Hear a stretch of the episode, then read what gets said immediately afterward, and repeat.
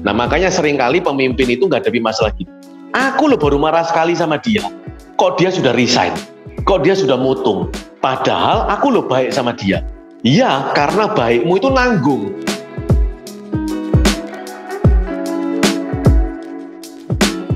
Halo semuanya, kembali lagi bersama saya Pamela di podcast Diksi Diskusi Nonfiksi. Nah, di kesempatan kali ini kita kedatangan seseorang yang menurut saya sangat berpengalaman di bidang leadership.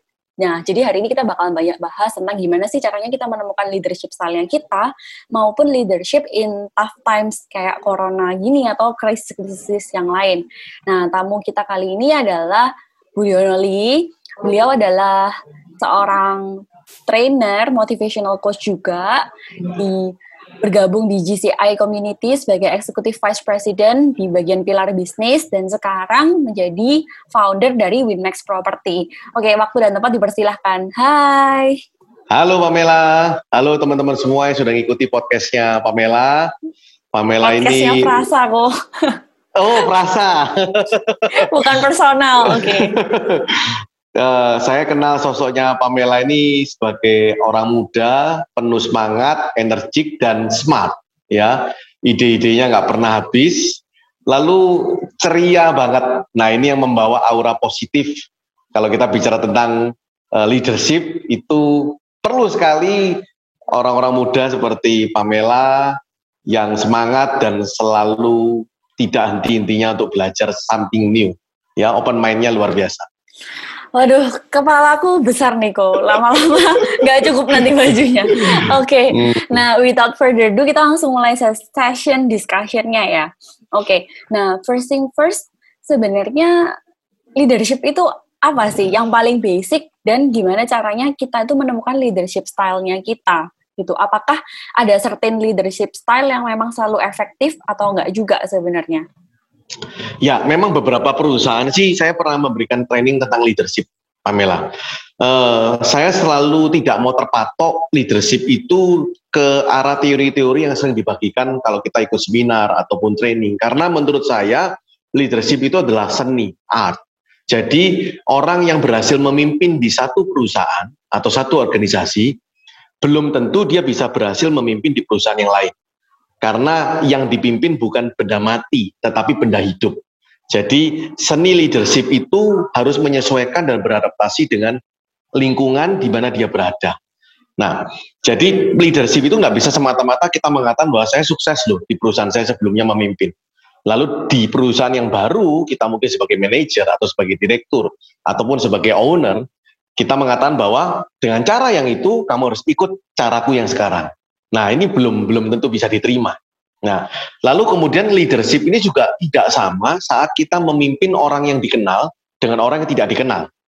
Nah, ini nggak sama, karakternya berbeda-beda. Ada yang sangat kesulitan saat kita memimpin teman kita sendiri. Contoh-contoh, kita ini kerja dari level bawah, lalu dipromosikan naik level atas.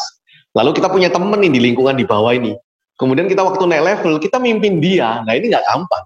Nah, ini ada cara-cara teknik-tekniknya yang mungkin uh, dari pengalaman pribadi karena saya pernah ngikut orang kerja dari level bawah jadi marketing manager sampai jadi direktur. Nah, tentu nggak sama pada waktu kita memimpin orang yang pernah jadi teman kita, yang pernah membuli kita atau bahkan menggojlok kita. Lalu tiba-tiba kita harus memberikan ketegasan, rule, punishment atau mereward kepada mereka. Karena mereka kan menganggap bahwa lu temanku, kok kenapa kamu kok jahat sekarang? Kenapa kamu nggak mau spesialkan aku? Nah, ini nggak sama. Jadi makanya leadership itu adalah art, jadi seni.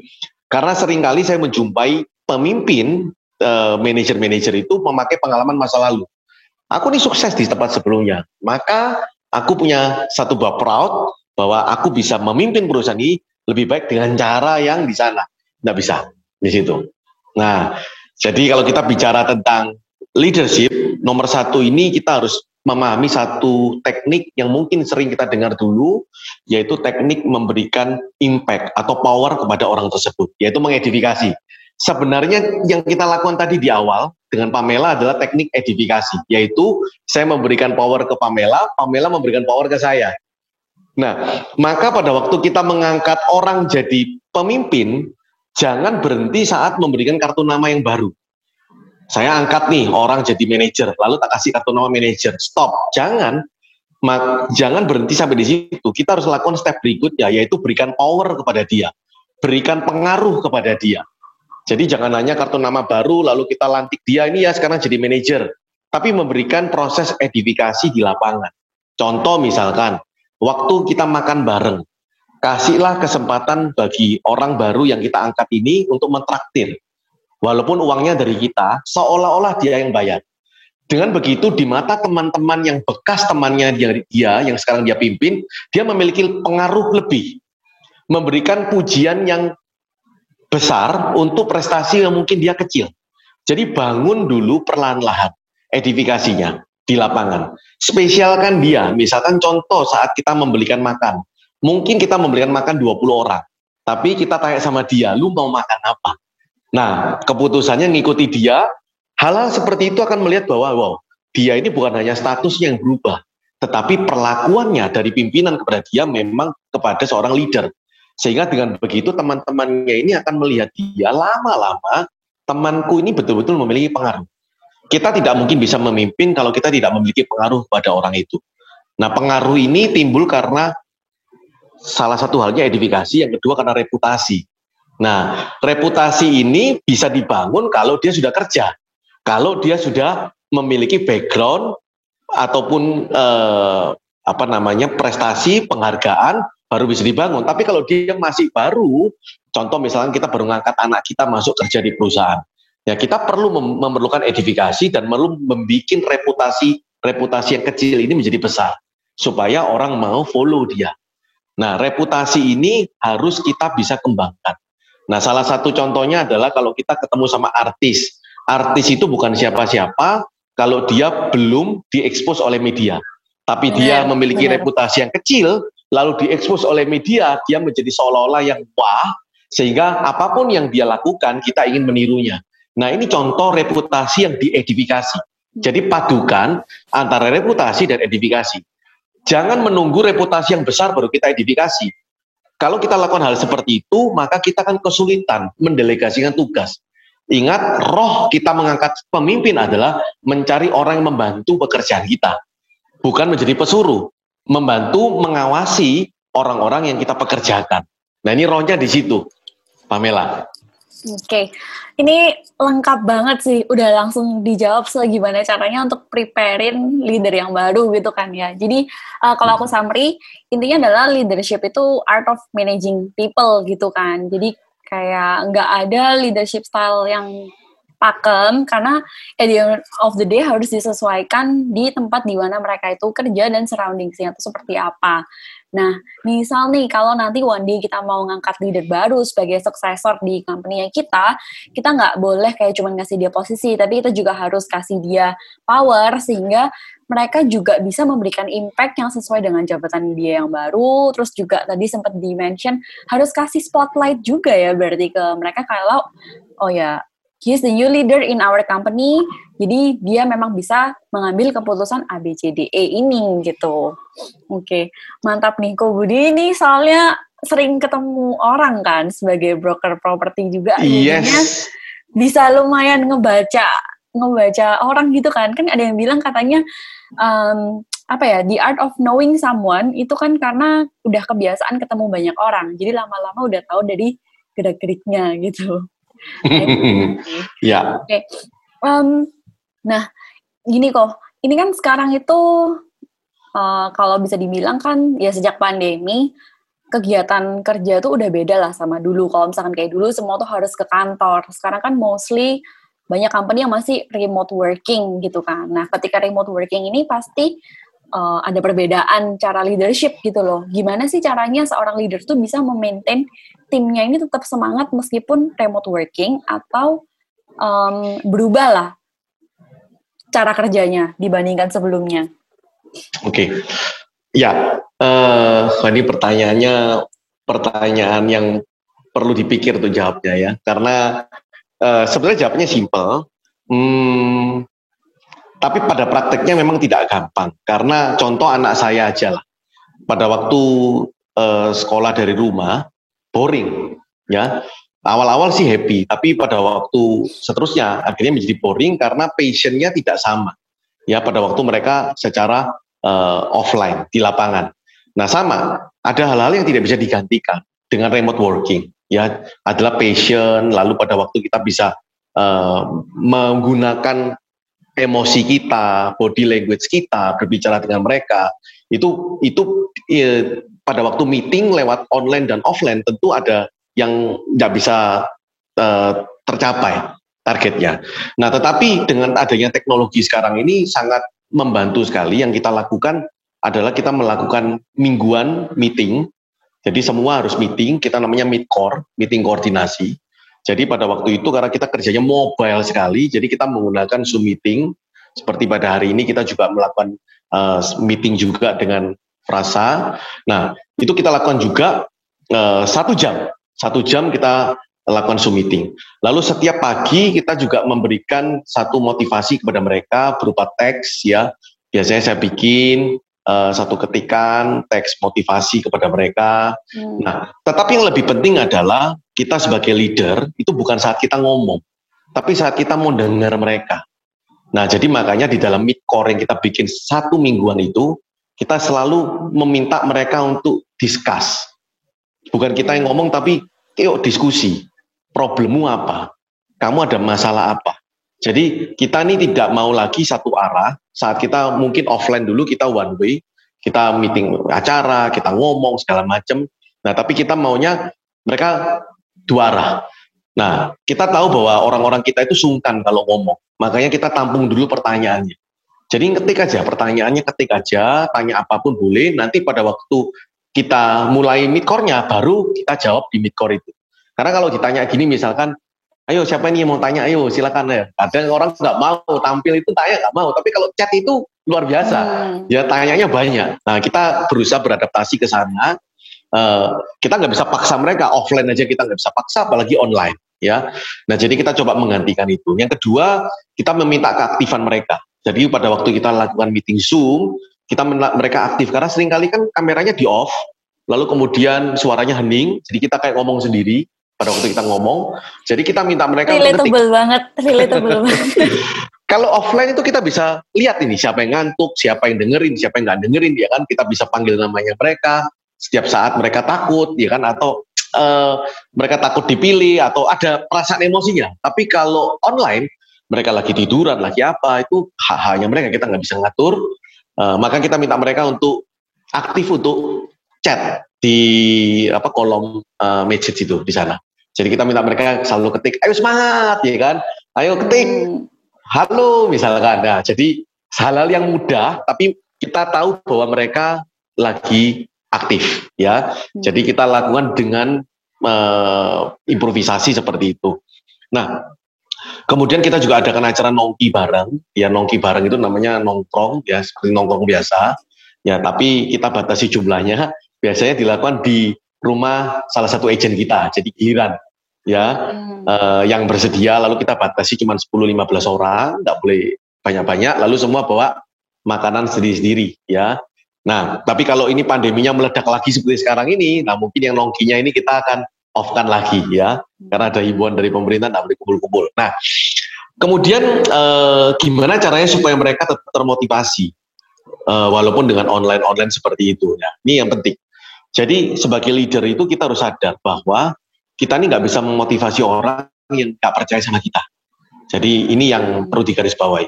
Nah, kamu nggak bisa paksa orang untuk semangat atau untuk terus bekerja kalau dia nggak trust sama leadernya. Nah, problemnya adalah para leader itu nggak sabar untuk membangun kepercayaan itu membutuhkan waktu. Mereka nggak sabar. Mereka sering kali membangun dengan perintah. Jadi kamu harus begini, kamu harus begitu. Nah padahal semangat itu akan timbul saat dia percaya dengan leadernya. Percaya itu nggak perlu dengan omongannya. Pada waktu dia lihat leadernya itu strong, dia lihat leadernya itu bagus, maka dia akan believe sama leader itu. Nah, sama seperti waktu kita ngejar cewek dulu ya. Ini kalau asumsinya. Kalau kita ngejar cewek waktu kita SMA, kita senang sama cewek itu, Pamela senang sama cowok itu ya kan. Nah, kita lama-lama PDKT sama dia kan nggak bisa sih. Lu percaya sama aku. Aku nih bisa bahagiain kamu. Ayo jadian. Ya nggak bisa seperti itu. Sama, leader itu juga sama. Kita nggak bisa minta mereka follow kita, mereka minta mereka untuk mengikuti rule kita, kalau mereka nggak timbul trust. Ya, Nah, jadi trust ini muncul perlahan-lahan dari daily activity. Makanya kita sebagai leader itu adalah serve, yaitu melayani, bukan dilayani. Karena kita ini yang butuh ngambil kepercayaannya mereka. Kalau mereka percaya, baru mereka believe. Kalau mereka percaya, mereka mau follow. Kalau mereka percaya, mereka akan semangat. Mereka akan ikuti rule-nya kita karena mereka trust. Nah, maka dari itu kita seperti fitness, jadi nggak bisa believe itu langsung tiba-tiba muncul atau dipaksakan. Kalau saya tanya sama Pamela, Pamela, aku nih bisa nyetir pesawat loh. Kamu ikut aku jalan-jalan, tak setirin pesawatnya. Kira-kira Pamela mau nggak? Uh, mungkin lihat license pesawatnya dulu ya, ya. atau enggak Lalu gitu. saya marah. Pamela, kamu kok nggak percaya sih? Kita kan udah kenal lama. Aku nih bisa nyetir pesawat. Hmm. Mungkin Pamela akan mikir crazy ya kan di situ. Nah, yeah, yeah. jadi percaya itu para leader juga harus paham bahwa kamu butuh waktu. Makanya dari itu kenapa saat ada momen-momen yang emosional dari orang yang kamu pimpin, kamu harus bergerak di situ. Harus ikut andil di sana. Dia lagi kesusahan, dia lagi happy, weddingnya dia, dia lagi sakit, birthday-nya dia, atau problemnya dia, internalnya dia, kamu harus ikut andil karena itulah momen kamu bisa mengambil trust dari dia. Karena orang itu otaknya hanya mengenal momen-momen yang peak emotion, Pamela. Jadi momen-momen yang peak emotion yang kita kenal. Kalau kita liburan, holiday, momen yang kita ambil dan kita ingat itu gak semua momen holiday day by day-nya tapi hanya yang peak emotion, yang happy banget, yang scary banget, yang sedih banget, atau yang kecewa banget. Itu yang kita kenal. Jadi jangan sampai kita ini di mata orang yang kita pimpin itu, meetingnya itu adalah meeting marah-marah. Sudah meetingnya online, lalu marah-marah lagi. Sudah meetingnya nggak ketemu, lalu setiap kali diisi dengan negur, manismen, jelek-jelekin, bodoh-bodohin supaya dia kelihatan hebat, kelihatan bersinar. Akhirnya orang jadi takut sama meeting itu dan diingatannya masuk ke mindsetnya dia, orang ini, pemimpinku ini jahat dan nggak enak. Akhirnya hmm. yang tertanam adalah yang jelek-jelek. Nah makanya sering kali pemimpin itu nggak ada masalah gitu. Aku loh baru marah sekali sama dia. Kok dia sudah resign? Kok dia sudah mutung? Padahal aku loh baik sama dia. Iya, karena baikmu itu nanggung. Kalau baik sama orang itu jangan nanggung karena nggak masuk ke momen peak emotion. Oh, Tapi kalau yeah. marah, marahnya kebablasan. Akhirnya satu kali emosi itu bisa ngerusak momen kebaikan-kebaikan nanggung yang kamu bangun. Makanya jangan nanggung. Nah itu, Mamela. Jadi meetinglah yang produktif saat pandemi begini. Kalau meeting Zoom, meetinglah produktif. Buatlah mereka lebih banyak berbicara, kamu lebih banyak mendengar. Lakukanlah eh, dialog dengan mereka. Kalau mereka tipe yang sungkan, buatlah kesempatan untuk chatting ya, uh, sehingga pertanyaan-pertanyaan bisa anda jawab lewat meeting itu. Hmm. Semoga menjawab, Pamela. Oke, okay. loh menjawab kok banyak, jadi makanya kayak aku harus selalu summary gitu. Jadi, oke, okay, jadi key takeaways-nya hmm. adalah satu listen to your team gitu. Nah, kita hmm. tahu leadership style apa yang cocok sama mereka, terus gimana cara memotivasi mereka juga ketika kita mengenal mereka secara pribadi, lepas pribadi gitu kan. Nah hmm. itu dengan cara listening. Terus tadi yang menarik juga sih, kalau misalkan orang itu ingetnya tuh peak emotionsnya mereka. Benar juga, that's why uh, banyak quotes yang bilang kalau leadership is about relationship juga. Jadi kita nggak bisa apa ya kita nggak bisa membuat orang tuh ya percaya mendadak sama kita. Jadi kan kayak semua itu harus dibangun berapa lama dan juga tergantung orang ini ada nggak sih di saat momenku seperti ini gitu. Hmm. Gitu kan. Jadi memang Tapi ada tiga ini harus digabungkan, Mabela. Hmm. Tiga ini harus gabung karena kalau enggak kedekatan itu akan menjadi hmm. kebablasan. Ya, jadi oh. kedekatan itu akan menjadi pemimpin ini akhirnya tidak dianggap pemimpin tapi teman. Jadi kayak teman. Harus ada, okay. harus ada pengaruh, harus ada edifikasi tadi untuk menjaga supaya percayanya itu eh, kedekatannya itu sampai di level segan. Jadi level yang respect, bukan level yang lu temenku ya gitu di sana ya hmm. di sini. Nah, oke. Okay.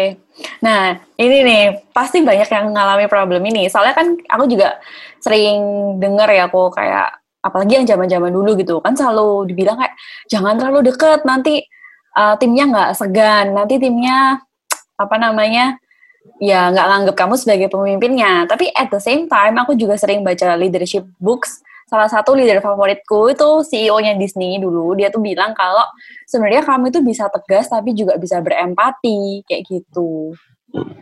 Nah itu gimana Ko Budi untuk mencari hmm. balance antara empati dan tetap segan? Ya, uh, kita juga mungkin harus melihat kalau dari pandanganku ya dari sudut pandanganku itu harus lihat juga pekerjaannya apa.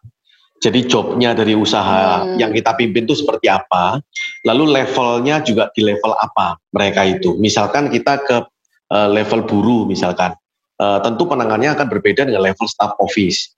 Akan berbeda lagi dengan level staff office yang mungkin pendidikannya adalah pendidikan lebih tinggi di sana.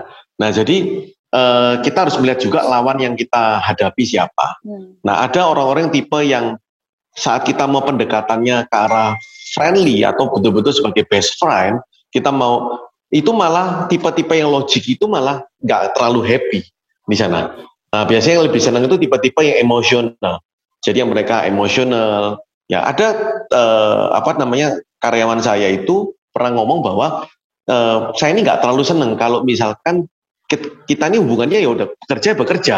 Tapi ini loh Pak orang ini kok atasanku ini Eh, malam-malam telepon, malam-malam ngajak ngobrol, ya kan sampai ini aku malah nggak nggak nggak nggak nggak respect seperti itu. Nah, jadi kita mungkin harus melihat juga karakter orang kita pimpin ini karakter yang logik atau karakter yang uh, emosional. Jadi nggak harus nggak bisa kita pukul rata itu. Oke, diplomatis sekali. Jadi tergantung Iya. Tergantung dia emosi emosi orang, orang ini yang kita hadapi orang ini. Okay, contoh okay. contoh misalkan ada orang yang suka dipeluk tapi ada juga nggak senang. Hmm. Gitu. Ada yang suka dipeluk, wah di situ. Nah, ada juga yang nggak nggak nggak suka. Nah, nah ini kita harus belajar tentang tipe-tipe karakter manusia juga. Hmm. Nah, jadi leadership itu kan ada bukunya di Carnegie itu tentang okay. apa uh, koleris, melankolis, hmm. sanguin, pragmatis itu boleh dibaca itu. Itu kan okay. juga bisa kita lihat. Nah, Oke okay, oke. Okay. Um, gini nih, berarti Ko Budi tadi sempat mention masalah buku leadership ya. Uh, hmm. Boleh rekomend nggak tiga buku leadership yang wajib banget dibaca gitu, yang isinya oh. praktikal gitu? Sebenarnya ini buku yang uh, lama, yang awal-awal saya baca dulu waktu kuliah ya. Itu yeah. berpikir dan berjiwa besar. Itu dari uh, DJ Schwartz, Dokter hmm. E, David James Schwartz saja ya, DJ Schwartz. Nah, yang kedua Dale Carnegie, Uh, yang ketiga, buku saya sendiri virus marketing. oh, nggak apa-apa. Oke, okay, teman-teman jangan lupa ya, aku Budi ini ternyata autor. Uh, apa nama bukunya virus, virus marketing. marketing. Tapi virus marketing. tapi ada tentang leadershipnya juga. Oke okay, oke, okay, that's nice. Yeah. Saya baca banyak sih, banyak buku. Ada juga dari Stephen Covey ya kan, Stephen David. Ya, Stephen Covey bagus. Mm -mm, kemudian kalau zaman saya kuliah dulu Robert Kiyosaki ya. Itu bukunya hmm. semua saya baca semua sih. Tentang investasi ya kan. Tentang cara berpikir uh, investor ya. Tapi kalau tentang leadership tentang human mungkin kita bisa pakai yang berpikir berjiwa besar. Dale Carnegie itu bagus. Berpikir berjiwa besar itu bicara tentang otak positif sih. Jadi hmm. tentang iman tentang keyakinan ya. Iman seseorang itu um, seorang leader itu harus kelihatan kuat apa pun masalahnya Pamil jadi kita akan berpegangan ke dahan yang kuat. Kalau dahan itu terlihat lemah, kita nggak akan pilih dahan itu untuk jadi, jadi pegangan kita. Jadi sebagai seorang leader, kamu harus terlihat kuat. Itu sudah kodratnya. Mau kamu punya masalah banyak sama istrimu di rumah, mau kamu punya masalah banyak setumpuk dengan orang tuamu, dengan keluargamu, kamu di hadapan karyawanmu, kamu harus lihat baik-baik saja fine. Hmm. Mau kelihatan perusahaanmu lagi utangnya banyak, mau kayak bayar utang, amit, di depan amit. anak buahmu, di depan anak buah kamu akan ngomong bahwa perusahaan kita lagi sulit, tetapi kamu tetap mengatakan tenang, kita akan ketemu solusinya. Kamu nggak boleh nangis di depan mereka, karena kalau kamu terlihat lemah, musuhmu akan datang, orang-orang yang tidak suka sama kamu akan menyerang, dan orang-orang yang hmm. berpegangan di dahanmu akan mencari dahan yang lain. Potensi hmm. itu akan muncul di sana. Okay. Nah, gitu. Hmm, Oke. Okay. Uh, kalau aku lihat um, leadership style kita berdua tuh beda kok. Jadi gini, kalau oh, misalkan okay. kau kan nggak nggak nggak masalah kan kan setiap orang punya leadership style masing-masing dan hmm. gak ada yang salah gak ada yang benar kalau misalnya kau Budi hmm. emang tipe yang apa ya mungkin mengayomi banget gitu dan kayak hmm. ya, dan dan memang benar leader harus terlihat kuat di mata timnya tapi mungkin hmm. kalau di di pekerjaan aku gitu Hmm. Aku trying untuk sejujur-jujurnya gitu sih sama mereka dengan keadaan yang hmm. ada gitu kan. Jadi hmm. kayaknya sih buat teman-teman yang dengerin podcast ini nggak usah ngerasa kita menghakimi kalian atau apa karena ya setiap orang punya opini masing-masing dan ya temukan leadership style yang cocok buat mereka juga. Tapi key pointsnya adalah leader harus bisa jadi dahan yang kuat ya tadi untuk timnya berpegangan. Mau itu kalian menunjukkan sisi sedih atau tegas terus, itu terserah kalian. Tapi hmm. kuncinya ada di reliability. Gimana caranya hmm. tim kita tuh bisa ya percaya, rely kita, rely ke kita juga gitu. Nah, next questions pun ini Um, hmm. Seberapa penting sih transparansi ke tim nih. Apalagi contoh misalkan kayak waktu pandemi kemarin gitu kan. Hmm. ya ya sekarang juga masih pandemi sih. Ya pandemi setahun ini gitu kan. Um, yeah. itu kan uh, apa ya ada ada yang bilang ya sebagai leader tuh harus optimis gitu kan. Tapi at the same time juga harus realistis gitu. Karena kita nggak mau over promise to our team gitu. Kalau aku sih bukan tipe kalian yang mau over promise sih soalnya. Nah gimana sih caranya kita tuh uh, balancein itu antara kita ini juga nggak pesimis tapi at the same time ya kita mau mereka juga membuka mata kalau ya memang ini situasinya lagi nggak baik gitu loh gimana? Ya uh, uh, gini di dalam perusahaan ini kan tergantung seberapa besar skala perusahaannya. Hmm. Kalau di dalam industrial itu kan mereka sampai levelnya top, middle, dan low, low-nya besar sekali. Nah, keterbukaan ke karyawan itu menurutku sangat penting. Nah, tetapi keterbukaan yang salah orang itu akan dikategorikan hal yang berbeda di sana. Jadi kita boleh terbuka kondisi perusahaan seperti apa, tapi kita harus tahu orang yang kita ceritai ini kondisi perusahaan itu adalah orang-orang yang memang key person, bukan orang-orang yang lain. Karena akan bisa belok informasinya.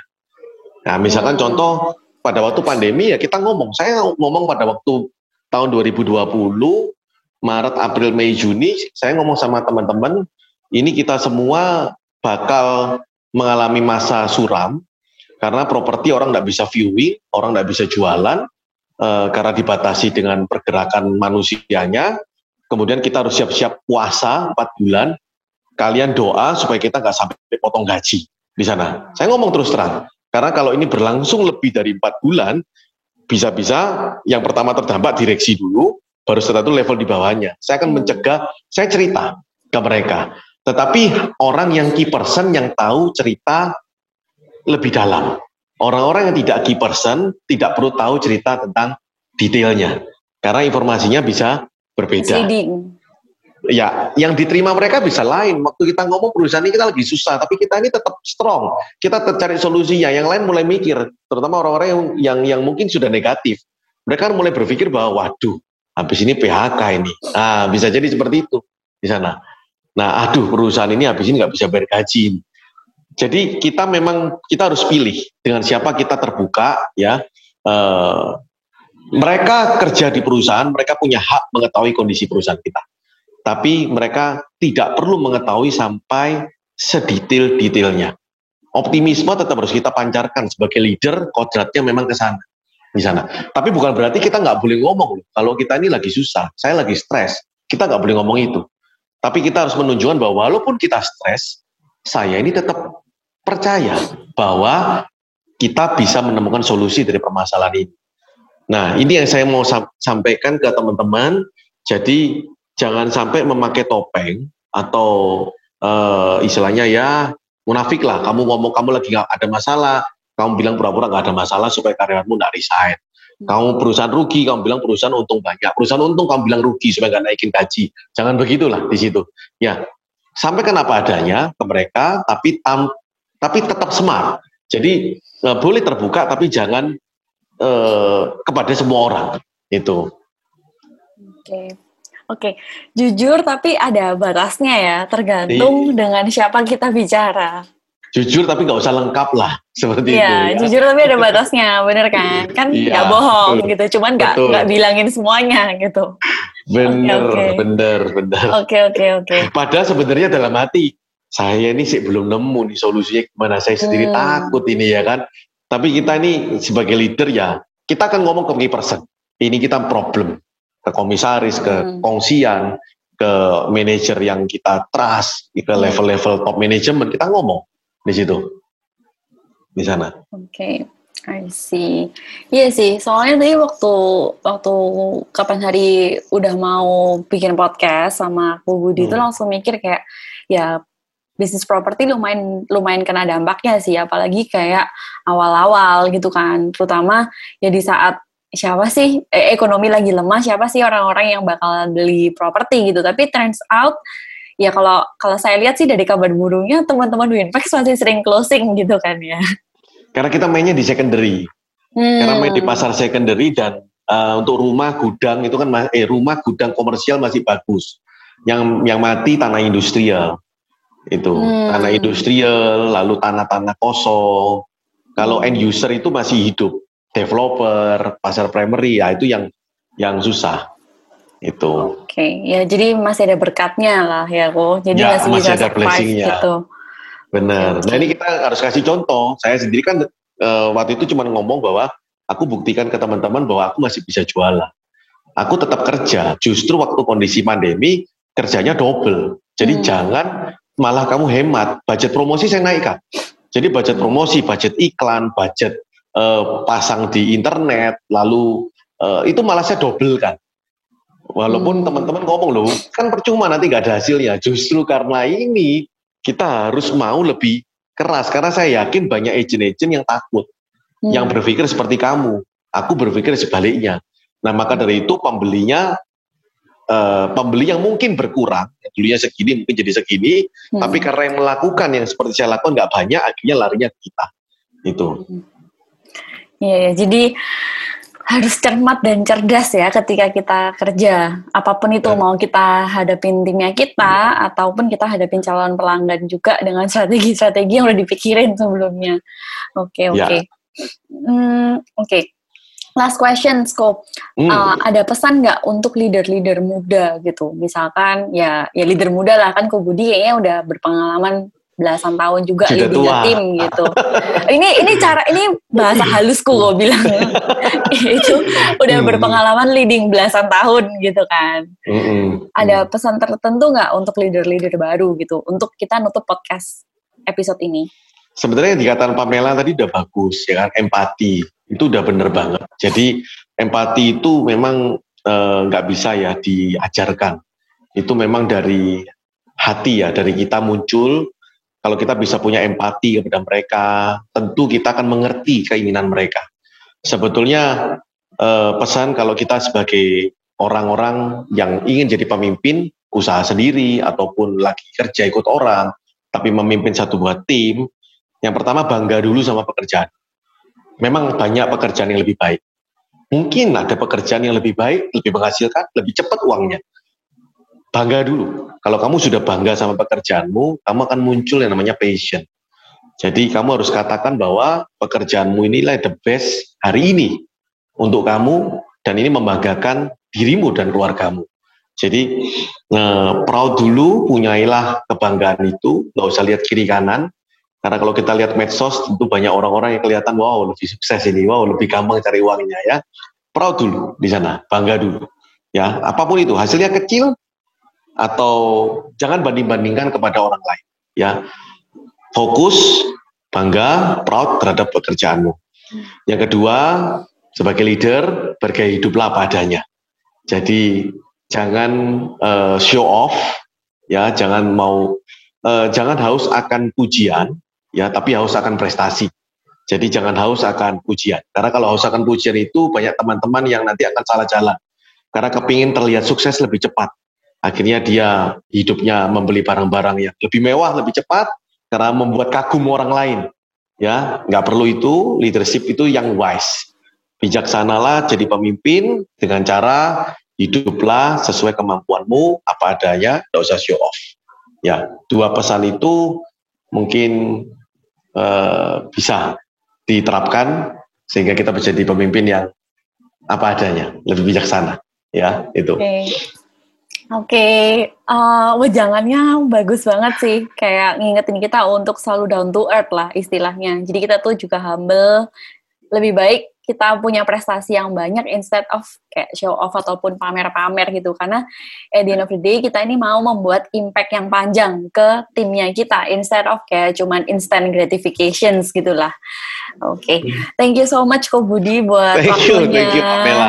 Thank, thank you, you banget. Hari Sukses ini, banget tuh Iya, hari ini belajar banyak sih tentang leadership. Oke, okay, kita pasti bisa lah ya. Oke, okay? sama kayak semboyannya Winmax ya. Pasti bisa. Oke, okay, siap. Thank you, Bu Budi. See you, you next you. time. Sip. Thank you juga teman-teman yang udah dengerin episode kali ini. Stay tune buat episode berikutnya. Terima kasih.